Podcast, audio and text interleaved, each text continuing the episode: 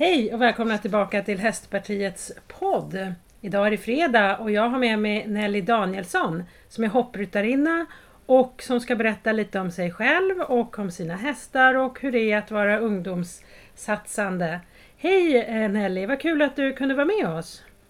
Hej, jättekul att få vara med! Hörru du, du är ju hoppryttare. Ja. Och eh, berätta, hur, liksom, på vilken nivå och berätta om dig själv och sådär, hur gammal du är och var du bor och allt sånt där. Ja, men jag är 15 år gammal och vi bor i Stenungsund på en hästgård. Vi har fem hästar och jag tävlar tre av dem. Eh, 2019 tävlar jag EM eh, i ungdomsgruppen Childrens. Eh, det gick i Sydvold och eh, jag kom topp 20 där Wow! Av 120 stycken. Så det är det största jag har gjort. Eh, sen har jag tävlat i Skandinavium och eh, några SM. Mm. Mm, ja. Hur högt hoppar du då? Eh, Jag har hoppat 1,40. Alltså jag är 1,63 hög så att du har nästan hoppat över mig. Ja, några centimeter till. Ja, men vad är det liksom det högsta man brukar tävla i? Ja, det är 1,60 som är det högsta. Mm. Men det gör man som vuxen då eller? Ja, det är Peder Fredriksson och Malin Bajard och de som tävlade. Ja just det. Kommer du också göra det sen eller? Ja, det är målet. Ja. ja, men hörru du, nu bor du på hästgården och du har fem hästar. Kan du inte berätta lite? Vad har du för hästar? Eh, Ja, jag har Conny. Hon är pensionerad nu, men det är hon som jag har tävlat mina största tävlingar med. Eh, Det var min första häst. Och innan jag fick henne hade hon gått på lösdrift, så det var en ganska lång resa tillbaka. Mm. Eh, Men vi har haft jätteroligt tillsammans. Så nu är tanken att hon ska få lite föl eh, som vi hoppas på kan använda i framtiden för tävlingshästar. Och sen har vi en egen uppfödning som heter Contessa. Hon är eh, 11 år eh, och vi har tävlat.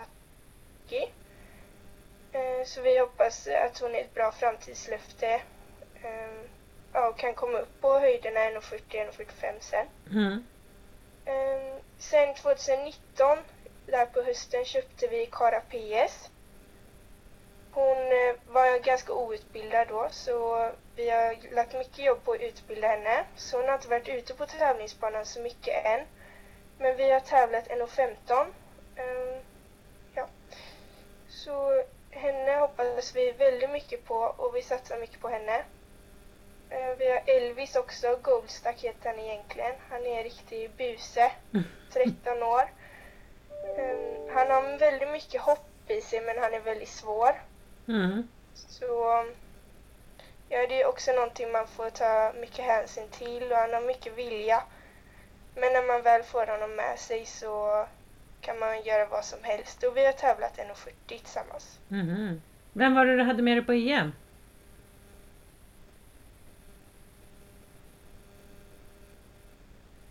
Oj, nu tror jag att vi tappar lite kontakten. Vem var det du hade med dig på EM? Eh, Conny, Conny, ja. Men hade vi gått igenom alla fem nu eller var det där fyra? det var fyra va? Ja. Just det, så har vi en tvååring också som heter Diddy. Mm.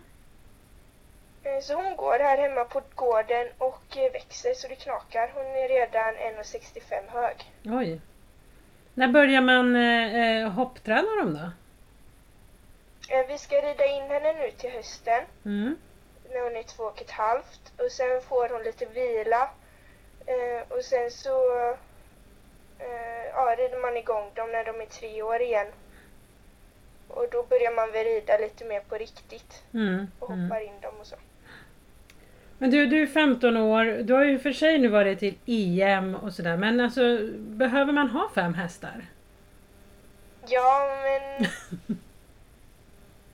alltså nu har jag ju väldigt olika hästar på lite olika nivåer. Mm. Men om man ska hålla sig på någon slags nivå så behöver man nog ha två hästar. Mm. För det är lätt att en blir halt och eh, och då står man ju där utan någon häst egentligen. Så ja. Men du, EM, det måste ju vara en fantastisk känsla. Hur, hur kändes det att rida in och tävla i Europamästerskapen? Jo men det var jätteroligt att eh, få ta sig dit. Det var ju målet. Och sen att få vara där var jättehäftigt. Det var ju verkligen något helt annat än de tävlingarna vi har varit på i Sverige. Mm. Det var jättehäftigt att få rida ett så stort mästerskap. Hur många svenskor eller svenskar var du med? Eh, I mitt lag var vi fem stycken. Mm. Och sen är det ju eh, flera då från olika åldersgrupper. Okej, så ni var ett lag på fem stycken. Kände ni varandra innan? Ja, det gjorde vi. Hur Eh, tas vi man hade- ut till ett eh, sånt lag? Vad sa du? Hur tas man ut till ett sånt lag?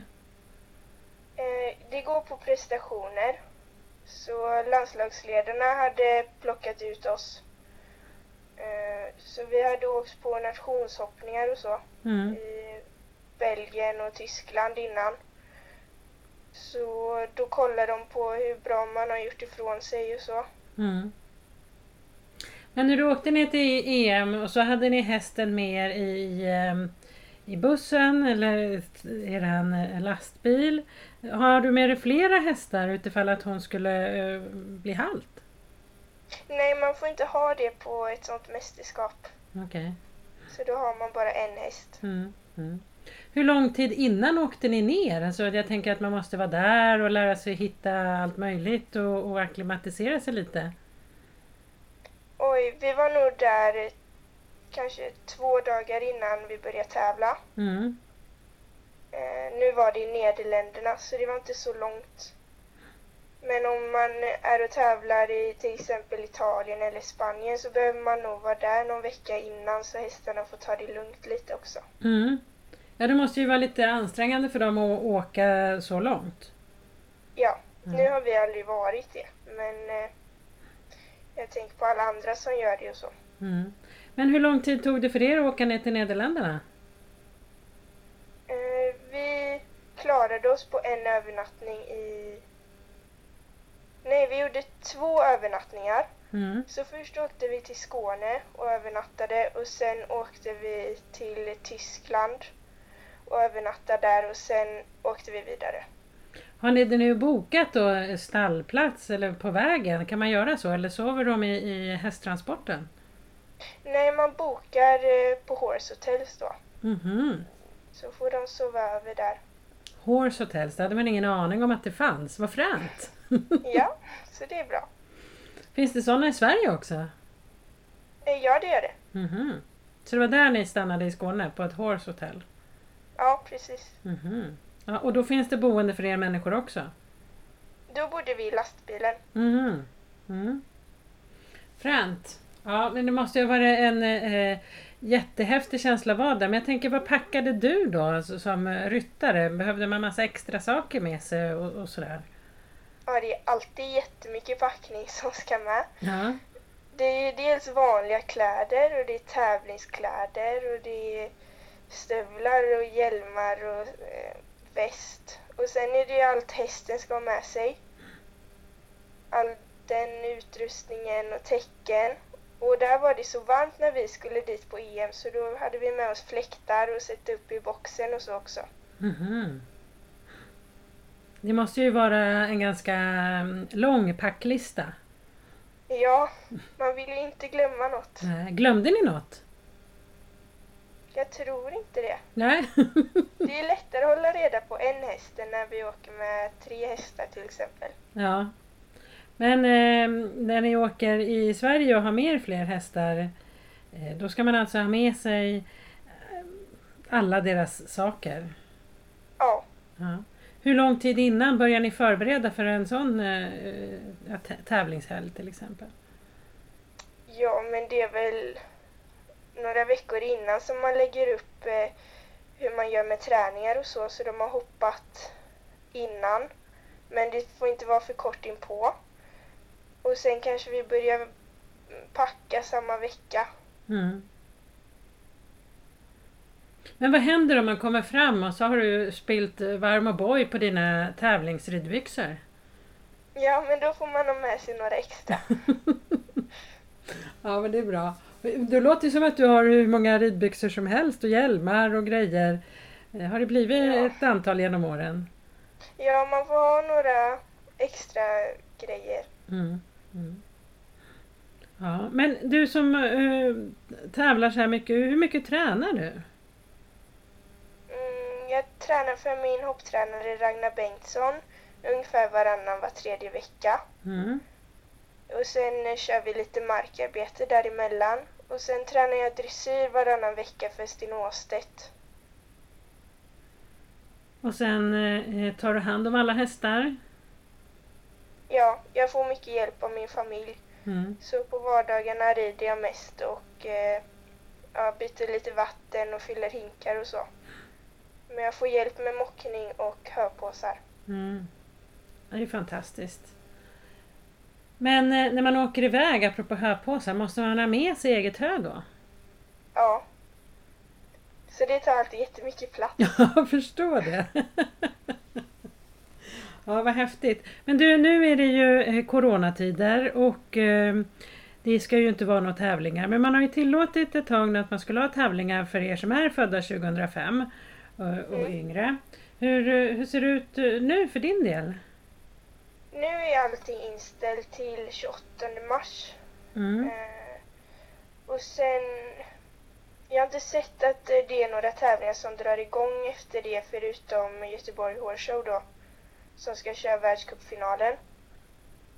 Eh, men det, det, är ett väldigt svårt läge här nu eh, med det här viruset också. Mm. HB1-viruset som kommer från Valencia. Mm. Eh, så vi är jätterädda att eh, den neuro neurologiska formen ska komma till Sverige. Mm. Ja, jag, jag har ju läst nu eh, att det är många som stänger ner sina gårdar och att man inte ska traila mellan gårdar och inte åka iväg på hoppträningar och, och så vidare. Men när du har träning för dina tränare, då har du dem hemma eller? Ja precis, så vi åker ingenstans med hästarna just nu. Nej, ja, men det var väl jätteskönt. Men hur påverkar det här dig att det inte är några tävlingar? Hur känns det och hur tänker du med dina mål och vart du vill komma och så vidare? Ja men det är jättetråkigt såklart. Eh, främst påverkar det de, de unga hästarna som jag vill ha upp i klasserna. Mm. För det blir inte samma träning hemma som de får på tävling. Eh, så den utbildningen stannar ju på det planet. Men sen min bästa häst Conny, hon har ju pensionerats nu i år. Så eh, det kan vara en bra tid för mig att få upp de andra hästarna så att de är redo för säsongen sen och kan klättra i klasserna så jag kan vara med på SM och så. Så eh, man får vända det till något positivt också. Mm. Ja, det är ju jättebra, det är fantastiskt. Men jag tänker, känner du att du har samma energi, samma geist och, och hålla på med träningen nu när du inte ser att det finns någon tävling inom eh, nåbart, eh, nåbart avstånd? Ja, det, det är alltid kul att ha någon tävling som man kan se fram emot och träna för. Då får man ju lite extra motivation i stallet. Mm. Men såklart det är kul nu också. Men det är extra roligt när man har flera tävlingar på gång. Mm, mm. Så då satsar du på eh, till sommaren eller möjligen till hösten? Ja, precis. Om det inte vore Corona just nu i Sverige, eh, vad skulle din dröm, ditt drömmål för 2021 ha varit då? Eller vara? Eh, kvala till SM med Elvis. Mm. Eh, på 1.30 med Contessa och eh, bara ut och göra bra rundor med Kara. Och hoppas på bra resultat. Kanske någon tävling ute i Europa. Ja, men eh, ja, det är väl det. Mm. Ja, vi får väl se vad den här äh, förskräckliga pandemin, um, om vi kan få vaccin och det kan bli klart någon gång. Ja, jag hoppas det. Ja. Men du går i skolan i vanliga fall, du går i nian va? Ja. Mm. Så nu löser vi på distans. Ja, hur funkar det då? Jo men det funkar bra. vi är i skolan två dagar i veckan så då kan man ju prata med lärarna lite extra. Mm. Men det funkar väldigt bra nu på distansen då tycker jag. Mm. Du känner ändå att du får de kunskaperna som eh, är tänkt och du kommer framåt och så vidare? Ja, men det tycker jag. Man får anstränga sig lite mer och hänga med. Och så är det ju, jag känner man tappar motivationen lite grann. Mm. Men det är ju bara att göra det. Mm. Men nian, då går du ut nian nu eh, till våren. Det är ju en ganska stor sak. Ja, men det ska bli roligt. Ja, ska du önska dig en ny häst då i examenspresent? Jag vet inte. Det hade varit något. Eller hur? Var ska du eh, gå i gymnasium sen då? då? Eh, Jag har ansökt om lite olika så jag vet inte riktigt. Mm. Men eh, jag har funderat på Kitas i Göteborg som har ett bra upplägg för eh, om man vill lägga mer tid eh, på sin idrott. De har ett mer komprimerat schema. Mhm. Och sen har vi ett gymnasium här i närheten där jag bor. Så vi får se lite. Ja, spännande. Ändå viktigt att kunna kombinera med sin, eh, med sin idrott. Mm. Mm. Men du har inte sökt något ridgymnasium? Nej, det har jag inte gjort. Nej. Jag tänker att eh, jag har det ju ganska bra här hemma. Vi har möjlighet till att ta hit tränare och så. Så det känns ändå bra. Hörru Du, om någon annan nu lyssnar på det här som känner att wow, jag vill också tävla i hoppning, jag vill också komma till EM. Har du några bra tips att ge till dem? Eh, kämpa på. Eh, mycket tillfälligheter också. Mm. Så om man bara är målmedveten så går det mesta tänker jag. Mm. Härligt. Men eh, då ska vi se här. Jag tänker ju att mycket som händer runt omkring oss med liksom bara allt från beslut om eh, corona och vaccin till hur hästar har det när de ska transporteras och allt möjligt. Det bestäms ju väldigt mycket av eh, politiker. Kan ju vara politiker hemma i ens kommun eller i regionen eller ehm, som mig i, i riksdagen. Är det någonting som du tänker så här, Åh, det där borde politikerna bestämma bättre om? Ja, jag har också funderat lite på den frågan. Eh, men eh, ja, det är lite svårt. Mm. Jag är inte riktigt insatt på det planet. Nej, jag förstår och jag hade inte förberett dig på den frågan heller. Men jag tänkte ibland är det något man har funderat lite på sådär. Ja, Men ehm, det kan vi ju återkomma till för jag tänkte att när du får komma eh, till din tävling ute i Europa eller liknande så måste ju vi prata igen. Då kanske vi kan ha en livesändning ifrån eh, den tävlingen. Det vore ju jättefränt. Men du Nelly, det här med att tävla och träna, det är ju inte bara guld och gröna skogar. Har det liksom gått fel någon gång och vad händer då? ja, många gånger har det gått fel. Men eh, förra året, 2020, var väl lite extra olycksår. Ehm, där i mars förra året så red jag och Kara ut och då kom det två rådjur och hon blev skrämd och sprang åt ett annat håll rätt in i ett fårstaket och Oj. fastnade. Eh, Så vi gick omkull där mm, och jag Ja, jag kommer väl inte ihåg så mycket. Jag, jag vet inte om jag svimmade eller om det var chocken, men mamma kom sen och hittade mig. Eh, Så då åkte vi in och då hade jag brutit ett nyckelben. Oj! Eh, Ja, så det tog tre veckor för det att läka, så det var ändå bra. Mm. Men det måste ju vara lite läskigt eh, när sådana där saker händer. Ja, men det är lite läskigt. Det är liksom stora djur och man har inte så mycket att sätta emot när det väl drar iväg. Nej, verkligen inte. Men när du är ute och tävlar är du ute och hopptränar och du känner att fasiken, den här rundan gick ju åt skogen. Hur Mm. tänker du då? Hur tar man sig liksom tillbaka efter det? Ja, i början när jag kände så, så blev jag väldigt arg.